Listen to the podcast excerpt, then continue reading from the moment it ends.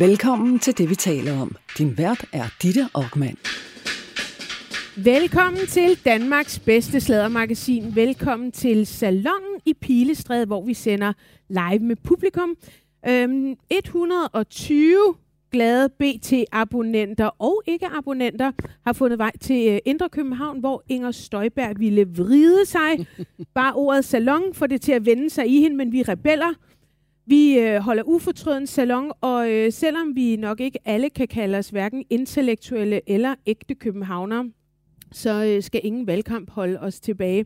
Så i denne her uge, der vil jeg byde velkommen til manden fra Ribe, der er chefredaktør på Ugebladet Ser. Hør Niels Pindborg, velkommen. Tak, tak, tak for det. Og øh, drengen fra Skævinge, der øh, nu er chefredaktør på Illustreret Videnskab Tak, og tak. forfatter til en kæmpe syg bestseller. Ja. Med Holger Bæk Nielsen. Ja, fysikeren. Ja. Så det passer jo godt med illustreret videnskab. ja, det gør det. Ja. Og du er måske en af dem, som er lidt salonagtige. Men også er fra landet jo. Også er fra landet, ja. Og så vil jeg gerne øh, byde velkommen til pigen fra Ølgod, der er vokset op og blevet kommunikationsdame og podcastværk, vært, og øhm, ikke længere på det sjæleløse og uoriginale 24-7, men på BT. Yay! Yay. velkommen. Tak. velkommen i det gode selskab. Vi er jo en flok bunderøve. Ja, men det er vi jo, Ja. og det er jo det, alle københavnere er jo bunderøv, Er jo for der er jo ja. nærmest ingen københavnere. Altså, Der er jo den der sådan, hvis du skal bruge øh, direktøren i en virksomhed i København, eller finde en jyde, så går du ind i en virksomhed og siger, må jeg tale med direktøren? Åh, for helvede. Den leverede jeg virkelig Den fik du dårligt. Sorry. Ja. Nå, men øhm, ved I, hvem der har fødselsdag i dag? Det har Vladimir Putin. Nå, Nå, ja, for helvede. helvede, ja. set. For Ja, ja, det er satan. rigtigt. Hvor gammel Ja. bliver Han bliver 70 år Ja, han gammel. er 70. Ja, det er en Så det kæmpe... er rundt. Så skal han have... Ligesom hans hoved. Ja. Og det er faktisk lidt interessant, for han ligner jo ikke umiddelbart en på 70 år, Nej, vel? det gør Helle Thorning jo heller ikke. Nej, det er rigtigt. Nej. Hun er vel heller hun ikke. er jo så heller ikke. 70. Nej, men der har, I måske, en- der har I måske en del af forklaringen. Ja, for hun, hun er faktisk kun lige, jeg tror, er 4-55 år. Ja. Men øhm, jo, han har fødselsdag, og øh, i den anledning har vi lavet en Den, vi taler om, om Vladimir Putin, om en meget, meget fattig dreng, der øh, startede i en delelejlighed med sin mor og far. To døde store brødre øh, i en 20 kvadratmeter stor delelejlighed, og i dag er, ja, altså der er jo ingen, der rigtig kender hans formue, men det er faktisk en ret vild historie om ham. Og hvad der også er vildt, det er, at der er altså nogle damer, og der er nogle børn, og jeg har fundet billeder af nogle af de der såkaldt børn øh, med elskerinder. Og, ej, men, det, men, men det er faktisk meget øh, interessant historie. Så hvis man interesserer sig lidt for Putin, og gerne vil have den serveret i en... Men altså nogle kloge, øh, ja, hvide mænd selvfølgelig, som jeg kun inviterer i min podcast, så skal man høre den, vi taler om. Men øh, vi skal også tale om kongehuset. Det skal vi. Og det bliver dig, Niels Pindborg. For bliver vi aldrig trætte af at snakke om dem, Aldrig. og svaret er nej. Øhm, der må jeg bare sige, de sidste 14 dage har simpelthen været en stor blandt selv slikbutik for en uh, bladsmør som mig, der godt kan lide en kulørt tilgang.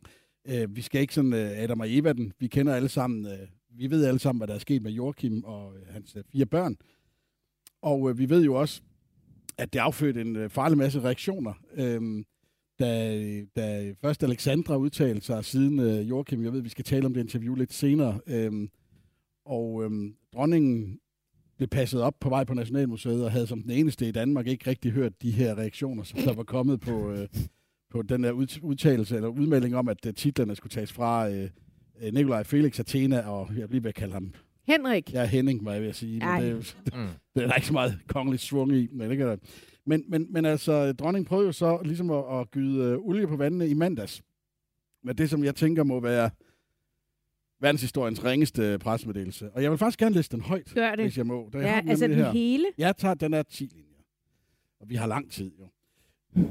Der har i de seneste dage været stærke reaktioner på min beslutning om den fremtidige brug af titler for prins Henrik. Prins Joachims fire børn, det påvirker mig naturligvis. Min beslutning har været længe undervejs. men mine 50 år på tronen er det naturligt både at se tilbage og se frem. Det er min pligt som et ønske som dronning at sikre monarkiet til stadighed, former sig i pagt med tiden. Det forudsætter indimellem, at der skal træffes svære beslutninger, og det vil altid være vanskeligt at finde det rette tidspunkt. At bære en kongelig titel indebærer en række forpligtelser og opgaver, som fremover skal påvile færre familiemedlemmer af den kongelige familie. Denne tilpasning, som jeg ser som en nødvendighed, frem, nødvendig fremtidssikring i monarkiet, ønsker jeg at foretage i min tid. Jeg har truffet min beslutning som dronning, mor og farmor, men jeg har som mor og farmor undervurderet, hvor meget min yngste søn og hans familie føler sig berørt. Det gør et stort indtryk, og det er jeg ked af. Ingen skal være i tvivl om, at mine børn, svigerbørn og børnebørn er min store glæde og stolthed. Jeg håber nu, at vi som familie kan få ro til at finde vej igennem denne situation. Og ro, det fik de. Fordi den her udmelding, som jo dybest set skal læses som en form for, nu prøver vi at gøre det hele lidt bedre, og, og, og, og øh, måske gyde olie på vandene og samle os øh, som familie, blev fuldt op af en artikel i mit eget blad, eller på vores øh, serhør.dk, dagen efter, at dronningen havde faktisk endnu ikke fået ringet til sin søn, ligesom at fået snakket ud om det her. Og øh, det kan man jo, det er jo sådan hele sagens øh, materie. Det er jo ikke øh, det her, det her med titler, det er svært for Joachim og børnene. Det her med en, øh, en samlende institution som kongehuset, som blotter sig som en dysfunktionel familie, som, som, øh, som ikke engang kan samle sig om sig selv. Det er jo det, som ødelægger billedet, for mig i hvert fald. Og det er jo lidt, lidt det, der er temaet i de historier, vi... Det er sgu da også underligt, fordi normalt, altså vi ved jo fra, fra, fra, fra Joachim nu, at det var øh, hofmarskallen, som øh, ringede over, og, og, og, og overdra, overdrog øh, beslutningen. Øh, og det er sgu da lidt underligt, at Ja. det ikke er hende selv, hvis vi leger, at hun er mor og farmor, ud over at være dronning. Det er noget underligt noget. Og så kan man sige, det er sådan, vi gør i øh, kongehuset. Og det er sådan set fair nok. Det, jeg synes, det er usympatisk. Øh, Jeg synes næsten, det er uværdigt. Men det, hvis det er sådan, man gør i kongehuset. Men så sætter man en besked ud, rettet mod danskerne, som jo for mestendels rent faktisk måske nok godt kan forstå den her for, øh, Ja, ja for det slankekur mening og- på en eller anden måde. slankekur. Og, og, Hvorfor og, fanden gør det det? Nå, nej, men Jamen, jeg, det der med at skære det lidt til, og der Men ikke er det for ville mange. sgu da blive, alligevel blive skåret Jo, til, jo. når de giftede sig. Enig, præcis, det, er jo- det er jo måden, præcis. Ja, altså, ja, ja. det sker på. Men, men den her manglende kommunikation, at- og så skriver hun det her, nu vil de gerne have ro øh, som familie til at og, og, og, ligesom komme sig over den her konflikt, og alligevel bliver der ikke ragt ud. Så er det jo, nu er jeg jo ikke kommunikationsdame, det er jo dig. Der er det jo det her, det handler sådan set ikke om, at forholdet mellem Joachim og mor øh, skal gøres bedre. Det tror jeg sådan set, hun er græsk-katolsk øh, overfor. Det her, det er damage control over for befolkningen. Og, og der er det, jeg mister. Det er også det, hun starter med at skrive. Jeg har faktisk nogle spørgsmål Ja. til, til jer. Altså, vi har siddet virkelig og læst den igennem og lavet sådan en dansk analyse. Ikke? Og, og, og det der med, hun starter med, der har i de seneste dage været stærke reaktioner på min beslutning. Der var jo en insta-shitstorm ud over det sædvanlige. Og, og her der, øh, med første sætning siger hun, det er kun derfor, jeg reagerer. Jeg er Ja. egentlig pisselig glad. Ja. Øh, altså i hvert fald med min egen familie. Men nu er der en eller anden ballebyagtig type, der har sagt, at vi må gøre noget. For der har været stærke reaktioner. Men så skriver hun også, det påvirker mig naturligvis. Og der sidder og tænker, gør det? Ja. Altså det gjorde det jo i hvert fald ikke, når vi har set hende øh, øh, på gaden eller spurgt hende. Øh, hun skriver også, at min beslutning har været længe undervejs. Det er der åbenbart flere meninger om. Øh, jeg ved ikke om, altså Joachim påstår fem dage, hun påstår siden maj måned. Ja. Hvor det snit skal ligges, det er sgu lidt svært øh, at vide. Og så skriver hun også, at det var vanskeligt at finde det rette tidspunkt. Og der vil jeg sige, man, man kunne vel næsten ikke have fundet et værre tidspunkt. Nej. Altså nu taler vi ikke bare energikrise, Ukraine, efterdønninger af corona, der starter igen lige om lidt. Harry og Meghan, altså har hun ikke kigget, hvad fuck der sker i Og det er Storbritannien? jo nok i virkeligheden det, der jeg tror, der er øh, problemet. Og det er det, der, derfor man kan faktisk godt være en lille smule polemisk øh, og stille sig selv et spørgsmål om, hvorvidt man kan regere et land, hvor man ikke ved, hvad der foregår. Og, og jeg ved, det, jeg, nu bliver jeg sikkert ringet op af en eller anden sur kommunikationsmedarbejder. Øh, men sådan må det være. Fordi at øh, også med den her den her udmelding på Nationalmuseet, hvor hun jo som det eneste menneske i, i Danmark ikke har enten set eller læst eller hørt om, om, om Alexandras udtalelse på, vej, på vegne af sin egen søn øh, og, og, og svigerdatter, øh, det blotter jo enten, at øh, det ikke er sandt, det hun siger, og det nægter jeg tro på, at hun lyver for os, eller at hun lever et sted, hvor, hvor der simpelthen kun kommer, øh, hvad hedder det, hvor der kun kan gå ilt øh, en vej. Og det er jo også, det tror jeg, der man skal finde svaret i de her kommunikationer. Fordi nu er vi meget efter Balleby og kommunikationsafdelingen, og det, og det er jo også nemt nok at skyde efter dem, fordi det her det er håbløst eksekveret. Men jeg tror sådan set ikke, at hun har særlig meget at skulle have sagt. Øh, det her, det er regentens, øh, hvad hedder, det her, det er regentens kommunikation til folket, øh, og, øh, og, og der hvor hele Men jeg tror, det er Line Balleby, som har sagt, vi bliver nødt til at gøre noget nu. Ja, eller en hofmarskal, eller Ja, et eller andet. en for eller hun anden har jo tydeligvis ikke selv en nogen Jamen, telefon. den, altså, den ultimative rådgivningssituation for en kommunikationsrådgiver er jo, at man får lov til netop at rådgive.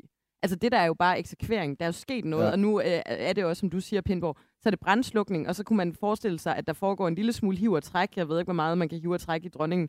men en Balleby, der presser på og siger, vi er jo nødt til et eller andet, vi er jo nødt til lige at udkomme med noget nu. Altså, vi er jo nødt til, folk er Præcis skidesure. ligesom med, med, med Herlufsholm, Ja. ja. hvor man også bare holdt kæft og troede, at, at vi godt forstod, at de der børn godt måtte gå på en mobbeskole. Og, altså, For, er det, hun, for, er- for er hun overrasket over Joachims reaktion? Det er jeg ikke sikker på, jeg tror på. For hvis hun havde været bekymret for den, Ja. kunne hun jo have spurgt til den inden. Jeg tror, det, der gør hende nervøs, Må- og der, hvor, ja. der, hvor det gør hende nervøs, og der, hvor hun har ret til, eller med rette er en smule nervøs, det er jo at se den stemning, der er. Nu ved jeg godt, vi skal ikke stole på troldeherren på Facebook og Instagram, men man bliver bare nødt til at sige, at øh, øh, kongehusets øh, Instagram, som plejer at være et glansbillede med sukker og perlesukker og glasur og Nutella, og alt er fryd og gammel. Altså hvis man tror, at Mette Frederiksen har følgere, der godt kan lide hende, så skal man prøve at se sådan en helt almindelig generisk opslag fra kongehuset på Instagram.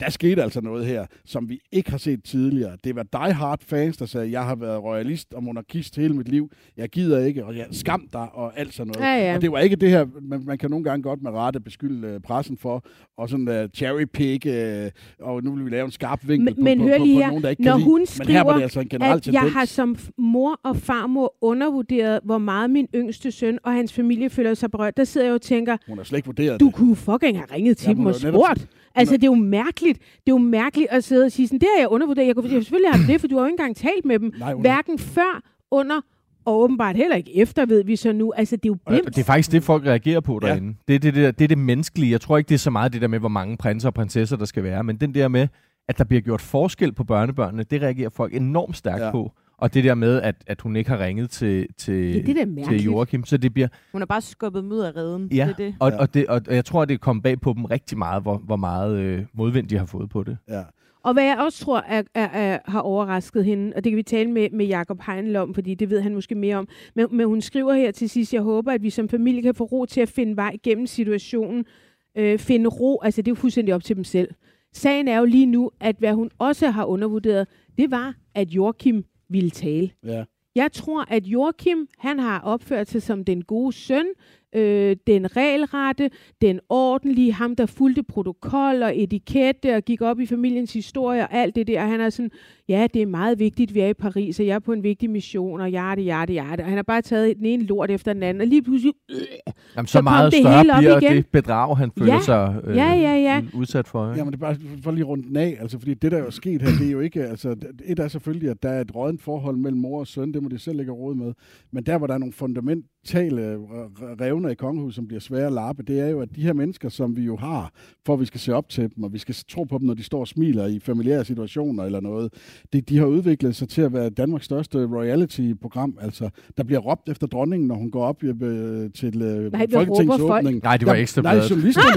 nej, nej, nej, nej, nej, nej, men journalist, journalisterne De råber spørgsmål. æg og De, de, tomater. og de, der, der, man råber spørgsmål efter, det hvad ikke hedder normalt? Frederik. Nej, nej, nej, nej, Nej. Der plejer at være sådan en abødighed om hvad råbte de? Jamen, det er sådan noget, hvor, hvorfor, hvordan og hvorledes. Hvorfor hader du din anden søn? Nå, nej, men det, men det er jo... Kronprins men- Frederik! men- Kronprins Frederik! Men det har man bare, det har man bare, man har bare aldrig oplevet det før. Jeg kalder det et royalty-program, og vi kommer til at følge det nøje i mit lille ublad her, for det er jo, altså vi har jo i mange år skrevet, og nu har vi Heinl igennem. Han har været min dygtige medarbejder indtil Jonas Ratchi. Det vi hentede ham Ja, over han på, betalte bedre. han betalte meget bedre, det vil jeg sige. Nu får han, hvad han fortjener. Men øhm, altså, øh, Heinl. Ja, ja, ja, ja. jeg forstod men, den godt. men vi har jo i 5, 6, 7 år skrevet om den her konflikt, der er mellem Frederik og, og Joachim, mm-hmm. som jo så nu bare, altså, og, og Joachim og resten af familien, som jo, det, det er lys lue, og, og hvad hedder det, det, en dag, hvor der ikke er kommet en presmeddelelse fra den ene eller den anden, det er jo sjovt. Vi er jo brevduer for, for kongehuset. Ja. Det er skideskægt. Ja, altså det er også den der med håbet for ro, så synes jeg, du skal ringe til din søn og tale med ham. I stedet det for var at ringe til chef for eksempel se og høre, et gratis råd. Øh, Jakob Heinl, er du med på en telefon? Det er jeg, og jeg Nej, har det med. Nej, det Jakob. er moderne videnskab. Kæmpe hurra. Ja. Jakob, det var dig, der Ja. lavede interviewet, hvor prins Joachim fortalte, at beslutningen blev overdraget af hofmarskallen, og at han i øvrigt ikke havde hørt fra sin øh, mor, hverken før Og bror. eller siden, ja. Og heller ikke bror. Det havde jeg måske heller ikke regnet med. Men Han var på ferie. Nej. øhm, jeg er klar over, at Margrethe selv engang har nævnt, at hun ikke er så glad for moderne teknologi, men vi kan vel godt konkludere, at hun har en telefon. Ja, det må vi, øh, det må vi nok øh, konstatere, hun har. Men hun har i hvert fald ikke brugt den i det her tilfælde. Øh, og det er jo altså også det, som vi taler om. Det er jo nok det mest rystende med den her situation. Det er, at hun ikke har sikret sig den her opbakning, og at kommunikationen bare brød fuldstændig sammen, og så gik igennem medierne i stedet for. Øh, det er jo ikke mange minutter siden lige nu, at BT faktisk kunne afsløre, at dronningen har øh, mødtes med prins Joachim nu. De øh, har simpelthen holdt et slags krisemøde på Fredensborg Slot i går. Prins Joachim var i Danmark. Så nu er der i hvert fald blevet åbnet for kommunikationen mellem de to. Det var sgu da meget godt. Hør lige her. Du var i øh, Paris og talte Mm, med det ham, med, med prins Joachim og prinsesse Marie om lørdagen. Øhm, Ja. Kan du ikke lige prøve at fortælle, hvordan det kom i stand? Jo, men altså, jeg, er- jeg er jo ret, øh, hvad skal man sige, kendt i øh, deres område dernede. Jeg ved sådan set rimelig meget om, hvor de sådan har deres gang, og hvor de øh, øh, bor henne af, og sådan noget. Og øh, de kommer så gående ind i den her meget Nej, nej, nej, nej. Vi skal lige tilbage fra start. I må have en aftale. Nej, det har vi ikke. Vi, er, vi, er, vi mødes i en park. Ja, det, det, det gør I også meget ud af at fortælle, kan jeg godt se i det klip der. Ja, vi er jo bare ude at gå. Vi har jo brug for at gå en tur. Men jeg kan jo godt, jeg har jo selv arbejdet på ugeblad Ej, en gang. Der kan jeg huske, man lavede jo tit sådan nogle aftaler med folk. Jeg siger ikke, at Heinl har gjort det her, men jeg siger, at det lugter meget af det. Nå. Men så er vi i gang med en leg, at du er taget til Paris og, og slendrer rundt i en park. Og så Ej, øh, møder du jeg- prins... Ja. En podcast. øh, Ej, ej, ej, jeg, jeg Nej, er lidt irriteret. Altså, jeg gider faktisk ikke, at vi sidder... Øh, Nå, nej, men vi ved jo ikke, det, Nej, det, der, er ved vi jo der, ikke. der foregår jo ting i verden. Nå. Okay. Så det kan vi åbenbart Vi ikke mødes, sige.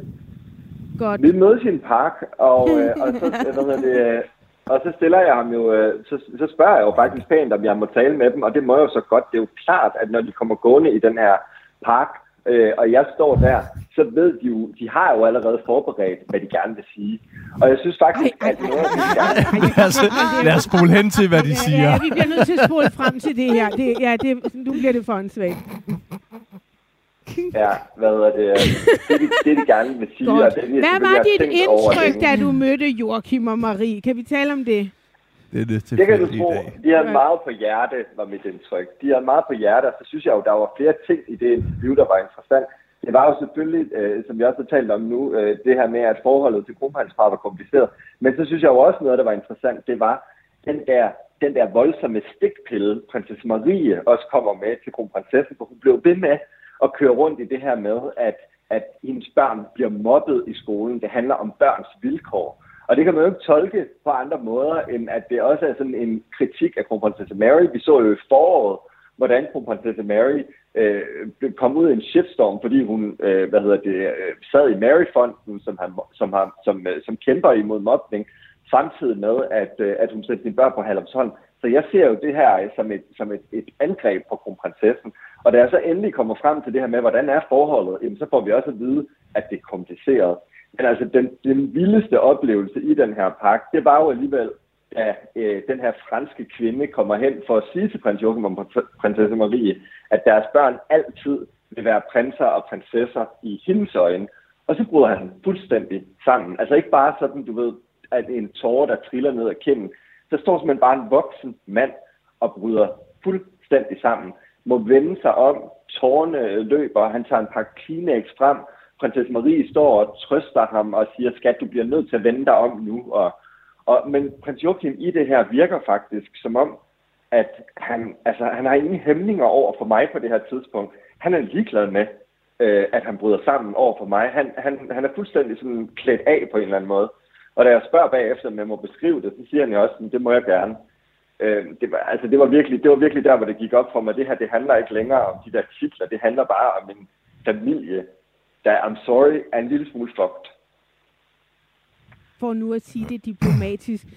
øh, men, men det er jo Ja. rigtigt nok, det er det, vi, vi sidder lidt efterladt tilbage med. Ikke? Fordi du har ret i, Jonas, at det prinse- og prinsessetitlerne, altså det er sgu nok mere den der forskelsbehandling, fordi jeg er da også ligeglad, om der er otte prinser og prinsesser i Ja, det her det er det land, eller om menneskelige, der, der er rammer fire. os. Ikke? Der Det er et det, der er andet, i historien. Men, men samtidig så ved vi jo godt, at det øjeblik, at børnene gifter sig civilt, Eller og det, og det regner Ja. borgerligt, det regner vi med, at de gør. Altså, jeg ved Ja, ikke, om der er en af dem, der finder altså. en eller anden hollandsk prinsesse, men, men kom nu, det gør de jo. Så, så, mm. så mister de jo titlerne alligevel, og så kan det se ud, som om man gør det frivilligt, og på en af de dejligste dage i ens eget liv, og nu er jeg Man har 27 selv valgt år og skal agtigt og gifte sådan, sig. ja, ja. Jeg, er, jeg er ligeglad med at være prins, for jeg elsker Benedikt, ikke? Altså, hvorfor ikke bare gøre det på den lidt. måde? Men, hein, hein, må jeg spørge Heinl om noget? For med dit store Ja. kendskab til kongehuset, øhm, Øh, ja, det, jeg blev bare grebet i min egen vittighed. Det var ingen... Nej, ja, okay, nej, nej, det var ingen joke. Undskyld. I er virkelig gode i dag. Men hvorfor tror du, hvorfor tror du Joachim, Ja. øh, fordi kunne han ikke bare ringe til sin mor og sige, øh, mama, øh, je m'appelle øh, Joachim, Ej, øh, stop. Nå, men altså, eller hvorfor, hvorfor tror du, han vælger ligesom at bruge øh, øh, Ja, parken til at, ligesom at få budskabet ud? Altså medierne. det, er jo, det er jo fordi, han har løbet, altså det er jo det, er jo det der også er, det er jo det, der også er så opsigtvækkende ved den her sag, det er jo, at han har løbet panden mod muren inden for kongehuset. Han har følt, præcis som Ditte siger, det her med, at han har gjort det, hvad der skulle. Han var på mission for dronningen, har virkelig altid bare øh, rettet ind efter den vej, de nu har valgt for ham. Men i det her, der kan han simpelthen ikke, øh, han er nødt til at trække en streg i sandet. Han kan ikke, han kan ikke komme videre. Så i stedet for at tale gennem kongehusets organer, så går han rogue på en eller anden måde, og begynder sådan at tale igennem sine egne kanaler. Det så vi jo først, da han kom ud øh, igennem Helle von Wildret Løvgren med Alexandra, og sagde, at børnene følte sig udstødt. Og nu den her gang, hvor han så bare taler direkte øh, til mig, en aftale fuldstændig uden om kongehusets kommunikationsafdeling. Han kan ikke bruge sin, øh, sin, sin organisations øh, kommunikations øh, øh, hvad hedder det, afdeling længere, fordi han simpelthen ikke får lov til at sige det, han rent faktisk føler. Og lige præcis i den her sag, der har han brug for at sige, hvad han føler, fordi det er ligesom det, det hele handler om. Det er deres følelser, at de simpelthen bare er kommet ud på et sidespor, og nu kan de simpelthen ikke mere. Men ved du egentlig, om han selv har prøvet at ringe til dronningen? Det ved jeg ikke. Han siger jo flere gange, han, han siger jo flere gange, at han ikke har hørt fra dronningen. Øh, og, og på det tidspunkt der, der går al kommunikation jo igennem hofmarskallen. Det interessante, det er jo nu, hvem der har ringet øh, og, og, og bedt Joachim om at komme til Danmark. Øh, men altså, jeg tænker, i den her uge, der er det måske også stået temmelig klart for alle, at det her, det kan ikke fortsætte, for der render jo stadigvæk journalister rundt overalt og har en million spørgsmål til dronningen. Øh, og selvfølgelig også øh, til prins Joachim og alle, alle de andre medlemmer af kongehuset, så de er jo nødt til at gå ud og sige, at nu er der øh, i hvert fald sat et komma, nu taler parterne sammen Men, igen. men hvad kan Men få dig stadigvæk Men hvad kan få dig til ikke at stille spørgsmål til dem, når du står derude på løberen? Fordi det, det, det er jo rigtigt nok, man opfører sig jo pænt, når man er, møder kongelige ude på løberen.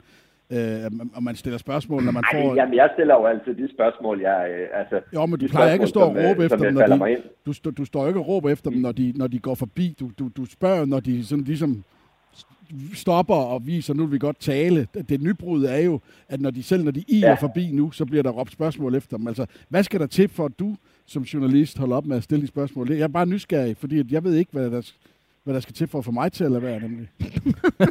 Du skal Altså, se jeg, en jeg tror, jeg, jamen, jeg, jeg, du har da fuldstændig ret. Der har jo også altid været så lidt andægtig stemning omkring, når dronningen kom, og så kunne man i hvert fald ikke tillade sig at stille spørgsmål. Og i starten af den her krise, der var jeg også sådan lidt, vi kan ikke stille spørgsmål til dronningen, men lige pludselig så var det jo klart, at alle medier ligesom var på samme spor i den her sag. Det kunne vi godt. Så du er fuldstændig ret. Spillereglerne er jo fuldstændig ændret nu. Og det bliver måske nok svært for kongehusets kommunikationsafdelinger at få, få det tilbage til det der med, at, at der er sådan en ramme eller nogle regler for, hvad man må stille. Men det synes jeg sådan set er det positive, der er kommet ud af det her, fordi det kan ikke nytte noget, at Ja, vi det ikke kan stille de spørgsmål, periode. gerne vil stille. Jeg kunne godt Ja, tænke mig at læse nogle øh, kommentarer, fordi det nye er selvfølgelig, at journalisterne er begyndt at råbe efter kongehuset. Man har sådan lidt, okay, nu har I selv åbnet ballet, men der er virkelig også mange, altså, der er meget kritiske over for, øh, og, og i særdeleshed faktisk, dronning Margrethe. Øh, der er en, der skriver, måske farmoren lige skulle have snakket med forældrene til børnene, inden hun begynder at bestemme, hvad hun synes er rigtigt for sine børnebørn. Øh, det er jo egentlig rigtigt nok, det der med, sådan, det er for mine børnebørns skyld. Det, jo, det virker jo helt bizart at sige, når børnebørnene og faren står og græder på åben gade. Altså, det, det, det, det er vist det, der hedder gaslighting, tror jeg. Øh, Okay. Der er også, Når det er det. Okay, Henrik D. Poulsen. så er der også en, der skriver, hun kender åbenbart ikke sin egen søn og hans familie, når hun tror, at de ikke bliver ked af det. Fjern også prinsesse og prinsetitlerne fra Frederiks tre børn. Der er vist fire. Øh, så er der også nogen, der siger, at man skal lukke Amalieborg og lave en paintball-event i stedet for. Yes. Og øhm, der er dem, der skriver, at man ikke må gøre forskel på sine børnebørn, og de vil alligevel ikke få penge og alt det der. Og så er der selvfølgelig også dem, der skriver, at Joachim skal til at blive voksen. Grow the fuck up. Der er krig i Ukraine. Vi kan ikke betale vores elregninger. Det siger jeg hver gang, nogen kritiserer mig. Ja. Ja. Ja. Hver gang nogen siger det er jo- noget som er for er tiden. Grow the fuck up. Ja. Der er krig i Ukraine. Det jo det der, men det er også det der, alt er jo relativt, ikke? Og på en eller anden måde, så siger, prinsesse Marie siger jo også i interviewet med mig, hey, vi er godt klar over, at der er større og vigtigere ting i verden, men i vores nære svære, altså med vores børn, der betyder det her bare meget, fordi vores børn er kede af det. Så kan man jo så kan man jo sige, at det er berettiget eller ej, men altså, man, hvis man tager den der, der er krig i Ukraine ned hver gang, så kan vi jo ikke overhovedet beskæftige os med andre ting end det. Men der er et eller andet, der er krakeleret. Altså, Men- både i, altså både i vores pressens forhold til, til kongehuset, men også de her kommentarer. Så, sådan skrev Mhm. danskerne heller ikke til kongehuset Ikke for fem år for, siden. for, Nej. nej, eller for, for en måned sige- siden. Og, og, og, det, der også- Så er der er, med et eller andet, ja, men der er et eller andet filter, der, der, der er forsvundet, som, som Ja. bliver spændende, om det kan komme tilbage igen, eller, eller ej. Ja, og så tror jeg, hvad hedder det, hvis... Jo, undskyld, jeg... nej, jeg vil bare, nej, det, det, det bare uh, sige færdigt, Niels, for det var noget andet. Nå, men jeg sidder bare og Øh, siger, hvis, hvis de her. tror, at øh, den danske befolkning og den danske presse er fjenden, så nu- kommer de jo så i kløerne på den udenlandske presse, som jo har helt andre, Ja. virke, helt Ej, andre Gud, virkemidler ja. end, øh, Bliv lige end hængende, den Jacob, danske. for der er en syg fordi- historie. Fordi vi op, selvom, selvom, selvom, vi jo, øh, selvom vi jo, øh, hvad hedder det, bliver kaldt mange ting øh, i den danske presse, så i forhold til, hvad der foregår i England og nu også i Spanien, øh, altså, og, og hvis de bliver ved med, altså, eksemplet kommer, hvis det bliver en ny virkelighed, Ja, at kan vi Margrethe- tage det Margrethe eksempel? skal, øh, skal forholdes til, så bliver det slemt. Du tager eksemplet. I går kom der øh, en... Øh, jeg, jeg har læst den på Daily Mail, men Daily Mail øh, citerer et spansk medie. Jeg kan ikke spansk, så jeg bliver ved Daily Mail. Det er også et vildt medie, vil jeg sige. Det, Daily Mail er verdens største... Åh, oh, hola. Hvorfor spurgte du ikke også? Ja, det er rigtigt. Øhm, og det, det er gudskelov øh, formuleret med et spørgsmålstegn, det her. Is this the real reason behind the Danish royal feud? Øh, prins Joachim skulle angiveligt have været deeply in love med kronprinsesse Mary og have prøvet at snave hende Oh, i en, ja, de kalder det drunken moment. Jeg tror, øh, hvis vi har set prins Joachim sidde på første række til Tina Turner, så ved vi, hvordan det ser ud. Men øh, Patte Stiv måske, i hvert fald skulle han have forsøgt at snave Mary, været forelsket i hende. De har fundet nogle billeder frem, hvor han kigger på hende. Det er et spansk Med medie, der med har de, Ja, ja. de her insights. ja, ja, ja. Nå, nej, Gode men, kilder. Men, Men det er jo bare, det er jo bare ret sindssygt. Altså det her, det viser jo virkelig bare noget om, altså det der med dronningen engang har sagt, jeg er udmærket godt klar over, at de danske medier er en flok skoledrenge i forhold til udlandet. Og altså prøv at forestille jer, hvis det her det var hverdag i Danmark, at Ja. man bare tog sådan en op af hatten hver uge, når man skulle lave ugeblad eller tabloid i historie. Det er jo grebet ud af den blå luft, men det er bare meget sjovt at se, hvordan det ligesom Men- bare eksploderer oven i den her krise, Men- og så lige pludselig så, Ja. ja. så, AK, så Jamen, dækker, dækker spanske medier også det spanske kongehus på den måde? Det ved jeg faktisk ikke. Altså, er jeg det ikke, nemmere at gøre, huske, når at det er Anna et fremmed vanvittig Jeg kan huske, at kender- Thyssen på et tidspunkt, hun har boet i Spanien, og der fortalte hun faktisk, at de spanske medier var rimelig crazy, og der var sådan et tv-program, jeg har lige på fornemmelsen, at det faktisk var dagligt, hvor de bare sad og sladrede, hvor man var sådan, okay, de går fandme til den. Altså, Okay, et sladderprogram. Ja. Nej, uh, puh, han Men hver dag, ikke kun om fredag. Nej, men, men, men, men hun beskrev, at der var faktisk et lidt vildere, øh, en lidt vildere kultur. Også som man ser ja. I England. Øh, og det, altså det her, det er jo trukket ud af Det røven på en eller anden i, i Spanien. Jeg ved ikke... Ja. Øh, Det er jo en jurylovgivning, Men- der afgør, men hvor meget det at sige. ja, ja. Ja, Ja, ja, ja men, præcis. Og apropos injurie, øh, øh, apropos sådan noget injurie-lovgivning, så kunne jeg godt lige tænke mig lige at slå en krølle på det, vi talte sammen før, fordi der er måske nogen, der vil mene, at i sidste uges program, der var jeg en anelse vag i forhold til, hvad vi ligesom kunne sige om den her krise osv. Og det var jeg sådan set af den grund, at jeg synes, det er virkelig svært øh, at navigere i det her royale stofområde. Hvad er dokumenteret, og hvad er ikke dokumenteret? Og jeg synes virkelig, at som, vi som journalister altid skal sørge for ikke at videregive spekulationer. Men da prins Joachim og prinsesse Marie i lørdags åbnede op og sagde, at forholdet til kronprinsparet var kompliceret, så synes jeg på en eller anden måde, at det var en game changer i forhold til den måde, vi dækker det reelle stof på. For nu er der ikke nogen, der kan anklage os længere for at spekulere i brødrenes dårlige forhold eller i prinsessernes dårlige forhold. Nu er det sådan set sort på hvidt. Så det var måske derfor, at jeg fremstod en lille smule vag, men nu kan vi lige så godt, hvad hedder det, smide, smide, smide svisken på disken for at bruge et mega irriterende udtryk, og sige tingene, som de er.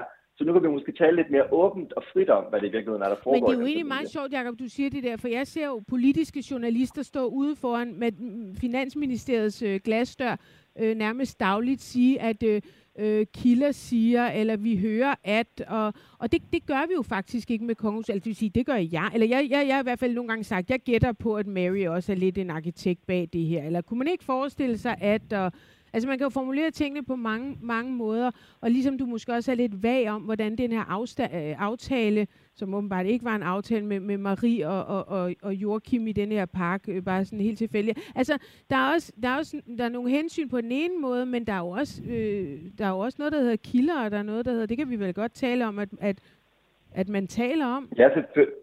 Jamen selvfølgelig, men jeg, jeg, altså, for, altså for mit arbejde, der er det bare altid vigtigt, at jeg altid kan stå på mål for det, jeg siger, og at man altid kan være sikker på, at når du har en aftale med mig om, hvad jeg siger, så er det også det, jeg siger.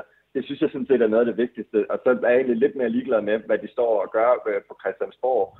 Øh, men altså, det er klart, at det, der er sket her nu, det gør jo bare, at vi, vi, vi i hvert fald kan tale mere åbent om tingene, og det synes jeg også på mange måder er rart, så vi ikke skal sidde med en viden, som vi måske ikke kan sige, men, men nu har de ligesom selv sagt det. Mm. Og jeg tror også, det var meget vigtigt for dem ligesom at komme ind på den banehalvdel, fordi hvis de gerne vil have, at vi skal vide det her, så er det også dem selv, der skal åbne ballet, og så må vi øh, analysere os videre derfra. Tak, Jacob, fordi vi måtte øh, ringe til dig. Må vi øh, sige, hvorfor du er hjemme? Jamen, ja, fordi jeg er blevet syg, men altså, jeg har det meget... Hvad som fejler du? Så har jeg det... Øh, jamen, jeg fik sgu corona. Det er det, der sker, Og må når jeg man... lige sige, Men altså- Jacob er jo det mest vaccinerede menneske Ja. i det her land. Det er fucking anden Jeg er gang, han vaccineret slipper den skide otte- Det, sygdom men med det, der hjem. sker, når man møder fremmede mænd tilfældigt i parker, så skal man simpelthen holde sig fra. Hvad er du Tak glad fordi for, du det var med? Der er en anden lille historie med kongehuset. Jeg kunne læse på finans.dk, at øh, kongehuset betaler deres egen elregning for residensboligerne. Jeg var sådan et, øh, ja. Men der er jo selvfølgelig, vi skulle selvfølgelig høre om, hvor synd det var for kongehuset, at øh, priserne er steget på energi i det her land.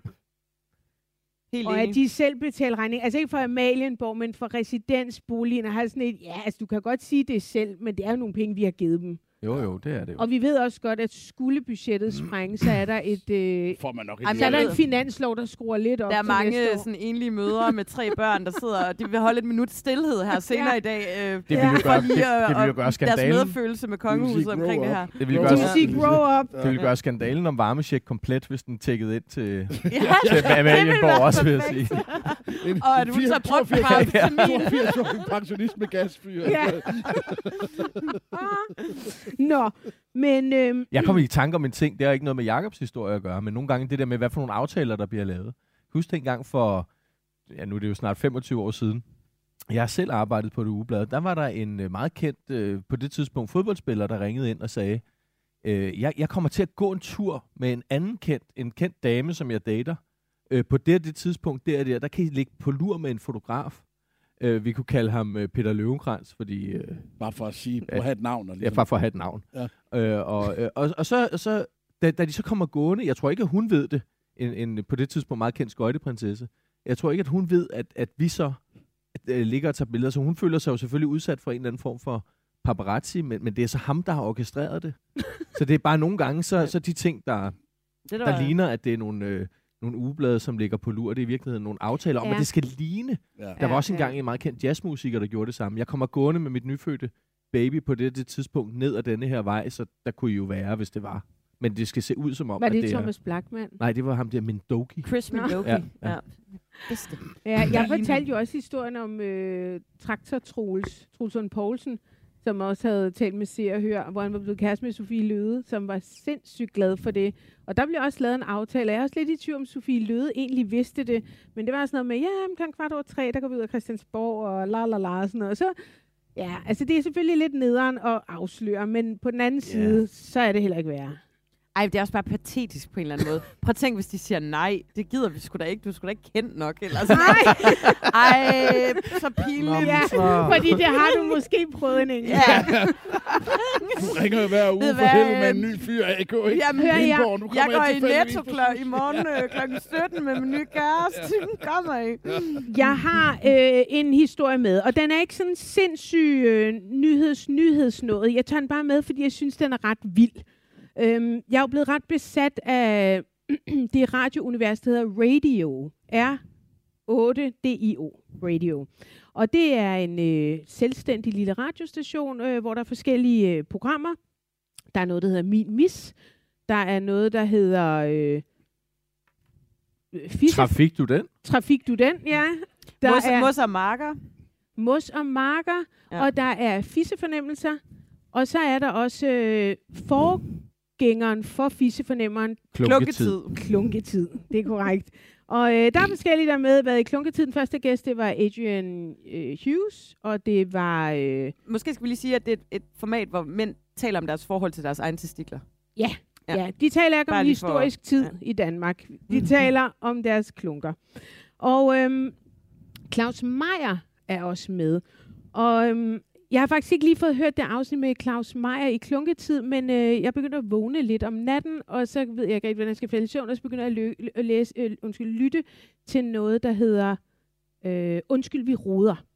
Og afsnit 124, som jeg lå og lyttede her for et par nætter siden, der kommer Claus Meier. Jeg tror faktisk, det må være et, et, et uddrag. Det er sådan et udklip af, af klunketid. Ja. Nå, men jeg ved ikke, øh, om I vil høre øh, det her klip. Hvad vil du gøre, hvis de siger nej? Det er Ja, så ret spiller vi det ikke. Så spiller vi det ikke.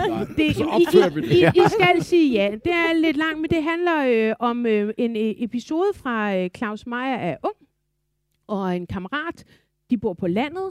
Det er nede ved, ja, Nyb. Det er på Falster, eller... Nykøbing. Ja, ikke? Jo, jo, han er Og, fra øhm, Sa- Saxkøbing. Og der... Øh, nå, vi, vi, vi kan lige prøve at høre det. Det er ret brutalt. Så gik vi ud i, i hvad det hedder, Jannegården, og så tog han sådan den, den fedeste and, han kunne finde. Mm.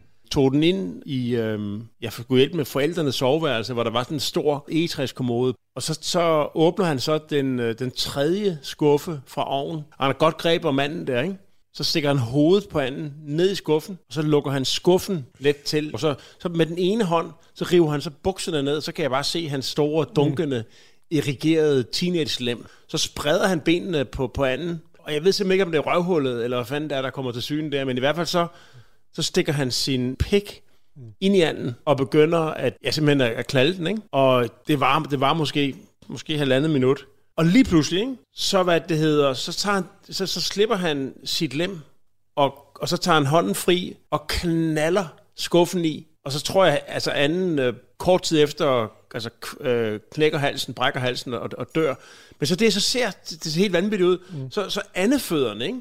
de begynder at gå i sådan en pendulfart, i sådan en desperat øh, dødskamp, hvor, hvor han så skubber sig yderligere ind mod anden, så han får, altså de nærmest tæsker, øh, de der store bløde andefødder, tæsker så de to testikler øh, i et højt tempo i en 30-40 sekunder. Og det han så forklarer senere hen, det er, at de banker bare den sidste dråbe sæd ud af hans krop og ind i røven på anden der.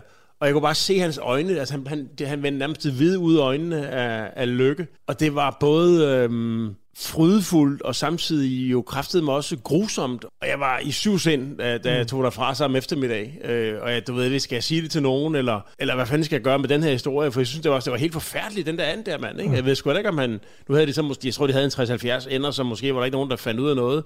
Men jeg, jeg ved ikke, om han bare smed den ud eller sådan noget, eller om han også havde sex med den, når den var død. Det var sgu en vild oplevelse. Altså første gang, at jeg hvad det hedder, var helt tæt på dyresex på Falster.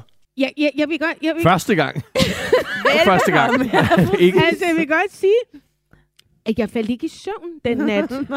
Jeg, jeg, jeg lå faktisk og var sådan lidt, hvad fanden var det, jeg lige hørte? Kan du ikke huske, jeg skrev til dig, da det kom, det Jo. afsnit? Det, men du gad ikke høre det på det Nej, men tidspunkt. jeg skrev bare, jeg skal nok få det lyttet, ja. og, og, og sådan da jeg nåede til afsnit 124, for jeg, var, jeg har været lidt bagud, så lå jeg bare, så lå jeg fuldstændig udspillet, og tænkte, hvad fanden, hvad fanden var det, jeg lige hørte der? Og så, øh, og så gik vi tilbage til klunketid, øh, altså, og, og, og lyttede det sådan lidt bedre. Der kan I, ja, det ved jeg sgu ikke, om jeg skal spille. Det er ikke lige så brutalt, men så vi kan lige høre det. Så det er gider, ham så selv, gider de nok ikke høre det er ham de selv, ligesom der, det er ham selv, der det går ud Ja. over her. Og så, så tager han så med sine egne hænder og lægger min pik op af min mave, altså op mod maven, mm. og så, så slår han, og det, jeg kan huske, det gjorde kraften edmundt. Så har han sådan en lille øh, metalhammer, mm. Og, så, og så slår han så, jeg siger, det, her, det, det, det, må gøre. Alle mænd, der hører det her, må tænke, de må have medlidenhed med mig. Så slår han så 30-40 gange på hver testikel med den her hammer. Sådan lige sådan en, med et løst håndled, ikke? hvor han bare slasker den der jernhammer en lille sådan måske mm. øh, diameter på 8 mm eller sådan noget på det der øh, hammerhoved, ikke? så slår han pænt hårdt op mod bunden af testiklen. Ja. Jeg var altså ved at ryge ud af mig selv hver gang. Med, at han har haft en eller anden sygdom. Jeg tror, det var det brændte i hans pik eller sådan noget. Der var en eller anden ubehagelig følelse, han gik til lægen, og så var det her en af behandlingerne.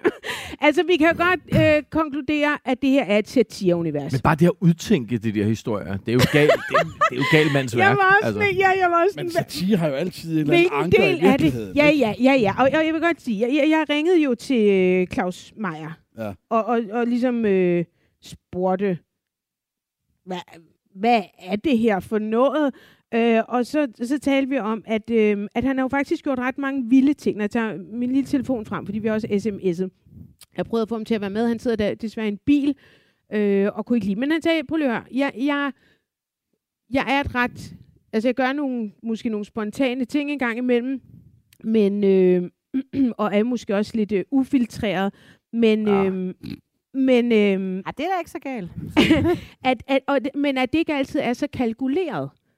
Um, det her er et satireunivers. Jeg spurgte ham, har- har den her and, har det noget at gøre med, med dig? Er, er, var det din ven, der voldtog en and og slog den ihjel bagefter? Og, og der siger han, at, at det var det faktisk ikke. Det er en historie, som han har læst. Det er sådan en vandrehistorie øh, fra øh, Gascogne, siger han. Og, og, og den har han ligesom bare kopieret over i sit eget øh, landmandsunivers. Øhm, ja, jamen, I kan godt sidde og grine, men, men det er jo fordi... Ej, vi kender jo alle sammen vandrehistorierne fra Gascogne. altså, men, men nå, men vi havde bare sådan en meget sjov snak, fordi at, jeg ved ikke, om, om I følger ham, men han, han, han laver nogle vilde ting i gang med dem. Det er heller ikke så lang tid siden, at han lagde øhm, en lille bid film ud af sig selv, hvor han sidder og græder, fordi øh, Roger Federer Stopper sin karriere. stopper sin karriere. det var der mange, der gjorde, tror jeg. Da, Og Ja. så du den film, mig er derude. Nej, nej, Det nej. så helt Wow. vanvittigt ud. Altså, det var ligesom uh, Det var, den der Britney, øh, Leave Britney Alone video. Ja, ja. og, og, sad og, han. og, og han sidder og, og hulker, og. Ja. og der troede jeg faktisk, at det var satire. Og det siger han, det var det faktisk ikke. Nej. Det var sådan noget, gud, hvor har jeg mange følelser. Dem, får Dem skal jeg dele med Instagram. Ja, og, og, og, og, og det er der jo nogen, der gør. Hvad han ikke lige havde forudset, det var, hvor, meget, hvor amok det gik. Folk blev faktisk ret vrede. Altså, folk bliver også ekstremt Der er vrede. faktisk krig i Ukraine. Ja. Kan du? Men det var sådan noget med, ja, okay, og hvor, hvor, hvorfor fanden det ene og det andet. Og, så, og, og, og det var måske også en af grundene til, at han ikke sådan havde lyst til at være med her, fordi der er et eller andet med sådan, øh, kommer man til at fremstå som en øh, kæmpe galning, og nogle ting er jo bare Ja, det gør man jo lidt. Ja, ja, Altså. ja, ja, hvis ikke man ved, det er satire. Øh, eller hvis man er et menneske med mange følelser. Øh, og, og han græd faktisk, da Roger Federer, og, og det forstår jeg jo ikke. Men, men han har også, ej, han han går meget op i sport. Der er også et lille klip, øh, hvor hans øh, yndlingshold, FC Ny, Nykøbing FC, hedder ja. det? Den, den ejer han jo en del af. Han købte sammen med Claus Jensen, fodboldspiller og en eller anden komiker, som er ikke er anden, Mikke men som er den anden. Mikke Øgendal, ja. Og, øhm, og på et tidspunkt er der en eller anden kamp. FC Nykøbing fører 2-0 over FCK. Mm. Det er åbenbart lidt usædvanligt, kan jeg forstå. I hvert fald Ja, bliver er han. Ja, ekstremt, øh, han bliver ekstremt glad og bliver fanget i pausen, øh, hvor han bliver øh, stillet øh, ja, det typiske spørgsmål, hvordan har du det lige nu? Claus Meier, stå lige her nu, inden spilleren skal på banen til anden halvleg og føre 2-0 til København. Hvad tænker du om det? Ja, der, jeg har jo sådan en, en brusende følelse i hele kroppen. Det starter i maven, går ned forbi mellemkødet og ender ned i tæerne. Altså, det er over, det, det overstiger jo alt, hvad i min vildeste fantasi havde turde drømme om.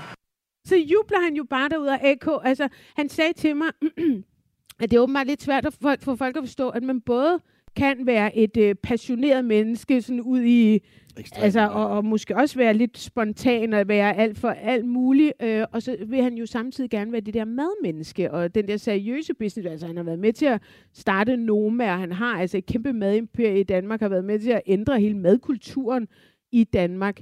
Øh, a- a- a- jeg, kom, jeg tænkte på den, jeg var lidt nysgerrig, hvad fanden du siger til alt det her. Jamen, for det første vil jeg gerne sige, at ordet mellemkød bruger vi jo bare klart for lidt. Det øh, burde vi bruge meget mere. der må du tale Men, for men der er selv. jo også et eller andet i, altså han, han, han, han træder jo helt uden for det brand, det billede, vi alle sammen har af ham. I virkeligheden, altså også, nu har vi, vi har haft en historie også, som vi har haft op i, og vende i programmet med, hvordan han faktisk sådan lidt stalkede en, øh, en, øh, en kvinde på et tidspunkt. Altså det er jo også fordi, at, at de ting, han sådan fremlægger omkring sig selv, er jo ikke noget, så, hvor han er hjemme i familien, og så kan vi se, at han også bager til dem. Det er jo sådan ret ekstreme øh, seksuelle ting. Øh, øh, ja, man kan jo sagtens være både passioneret, selvfølgelig er han passioneret, for ellers ville han jo ikke have den business, han har. Det, er jo, det giver fuldstændig sig selv.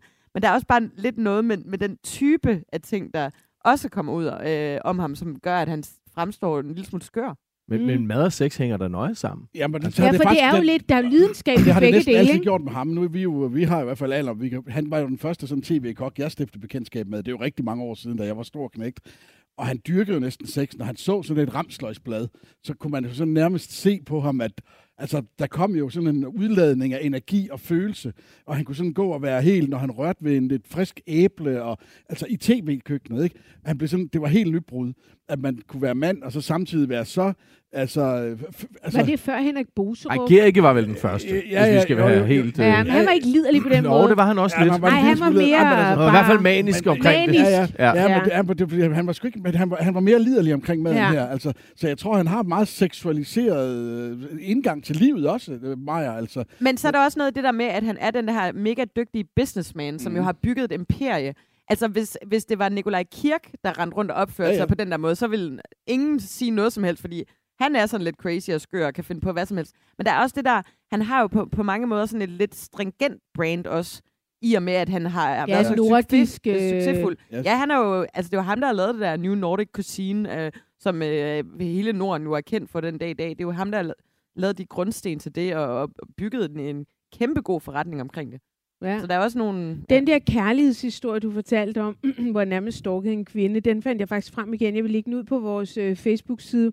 Den ligger på Claus Meyers egen hjemmeside, hvor han fortæller. Hvilket også er mærkeligt. Hvorfor gør den det? Jamen, det var... Øh, han havde lyst til at dele kærlighedseventyr. Stalking-eventyr, vil jeg kalde det. Men okay. Ja, altså det blev jo faktisk lidt stalking, og jeg, jeg spurgte ham også til det i telefonen, hvor han sagde, altså for ham var det det der med at møde en kvinde, som han synes var fuldstændig vidunderlig og skøn, men som han sagde, jeg kendte hende jo ikke, og han var, altså det er jo mange, mange år siden det her, det er sådan noget 25 år siden. Og så sagde han, det var mere ideen om, og så havde han lige set mine aftener i paradis, og var blevet sådan helt forført af tanken om at være forelsket, og prøve at forfølge den der forelskelse i en kvinde, man ikke øh, kender. Han beskriver det jo sådan, så du og jeg i hvert fald sad sådan et, ah, okay, slap lige af og ringe til moren, troppe op på hendes skole og sådan noget. Og han skriver også, hun så vildt bange ud, og man tænker, det kunne man måske han stod godt. inde i skabet. Ah, men han er slet ikke, han, er sl- han holder sig på slet ikke tilbage Og heller sådan på fulgte den hende ud i lufthavnen, så han, Nej, hun, han, var, hun følger Ja. ham ud. så hun var sikker på, at han ligesom Ja, kom ja. ud af Aalborg igen. Og Præcis. sådan, altså, Hun, han beskriver det jo fuldstændig ærligt, hvordan hun bare stod og kiggede redselslagen på ham, og så vågnede hun op næste morgen og tænkte sådan okay, det var vildt nok, det jeg gjorde i går, men Nå jamen, og så har han så mødt sin kone og fået tre børn, og så er, han alt, så er alt godt igen. Altså, det er jo bare en fortælling for ham. Måske Og- er han i virkeligheden bare lidt kluntet. Ja, og sådan lidt begærlig, entusiastisk, og så Ja. lidt kajtet i virkeligheden Ja. måske. Jeg tror nemlig ikke, han er så uspekuleret. Det kan man også se på nogle Nej. af hans forretningseventyr. Han brændte jo det meste af den der formue, han havde fået etableret, da han solgte til Lykkes Mose, eller hvem det var, han solgte Mm. til. Brændte han jo af på en eller anden øh, Han, øh, han, siger selv, det her er jo ikke kalkuleret. Nej. Øh, og, og, og, og han mener, at øh, det kan godt være, at han er ærlig, og han håber, at han er autentisk, men øh, man kan godt se, at, at reaktionerne kan være ret voldsomme øh, på det, han gør. Men øh, han understreger det med anden. Det er humor. Fra Gascogne. Det er en vandrehistorie fra Gascogne, som han laver til noget Jamen, nu kan jeg satirisk. bedre se, fordi hvis det havde Ja, ja, været virkelig, havde jeg været for forkasteligt. Men Ja, nu ja, synes jeg faktisk, det er lidt sjovt med de der Prøv, andefødder, jeg, jeg, jeg lå bare øh, derhjemme og stirrede og, op i loftet med vidt opspillede øjne, hvis fandme ikke, hvor jeg skulle gøre mig selv, der hørte Nej. det der. Men øhm, det er altså et øh, program, der hedder øh, Klunketid. Jeg vil anbefale jer at gå ind og tjekke Radio-universet ud, for det er fuldstændig genialt. Jeg er jo blevet besat af det. Øh, der er virkelig mange gode programmer, og det er, det er Christoffer Lind, der er vært på Klunketid. Man kan også snart, tror jeg, AK, høre Ikke noget. Nej. Nå. Man kan snart ikke noget. Nå. Men man kan også prøve at er høre nu det for noget med fissefornemmelser om nogle her? uger. Nå, Det er fordi, jeg skal ud og gå tilfældigt i en park, og så kommer oh, hvad kommer der nu? Du lytter til det, vi taler om. Danmarks bedste slædermagasin. Din vært er Ditte Aukmann, og i panelet sidder kommunikationsdame Anne Kirstine Kramon, chefredaktør på ugebladet Se og Hør, Niels Pindborg, chefredaktør på Illustreret Videnskab, Jonas Kuld Ratje. Hvis du vil sladre med, kan du besøge BT's eller det, vi taler om, Facebook-side, eller sende en sms på 42 42 03 21. Start din sms med BT. Vi, øh, vi tager en lille pause. Oh, yeah. øh, hvis du ser med live, så får du i dag noget lidt anderledes musik, og det er fordi, det er Facebook-musik. Øh, læn dig tilbage og nyd det, eller had det. Jeg ved det ikke, jeg har ikke selv hørt det, men vi kan ikke gøre så meget ved det lige nu med det der øh, dumme musik. Skiderettigheder. Hvis du lytter med på podcast, så øh, kan jeg sige, at det her det var en kulørte time. Og der kommer endnu en time, det er den kontante, og den kan du altså finde under det, vi taler om den 7. oktober. Øh, jeg har lige et fif. Hvis du er øh, træt af selv at finde time 1 og time 2, så kan man altså abonnere på det, vi taler om. Og det kan du både på iTunes og Spotify og alle mulige andre steder, du øh, podcaster. Så er der sådan en abonner-knap, boom, så får du helt automatisk besked, når det kommer. Og Det er et godt fif. det er Så får man vel også den, vi et taler om. godt. Ja. Så får man nemlig også den, vi taler om, Med i prisen. for det er gratis. Ja. Vi arbejder jo gratis, som nogle af de eneste i Danmark. Vi, øh, vi tager lige en pause, læn jer tilbage, og så ses vi om 5 minutter.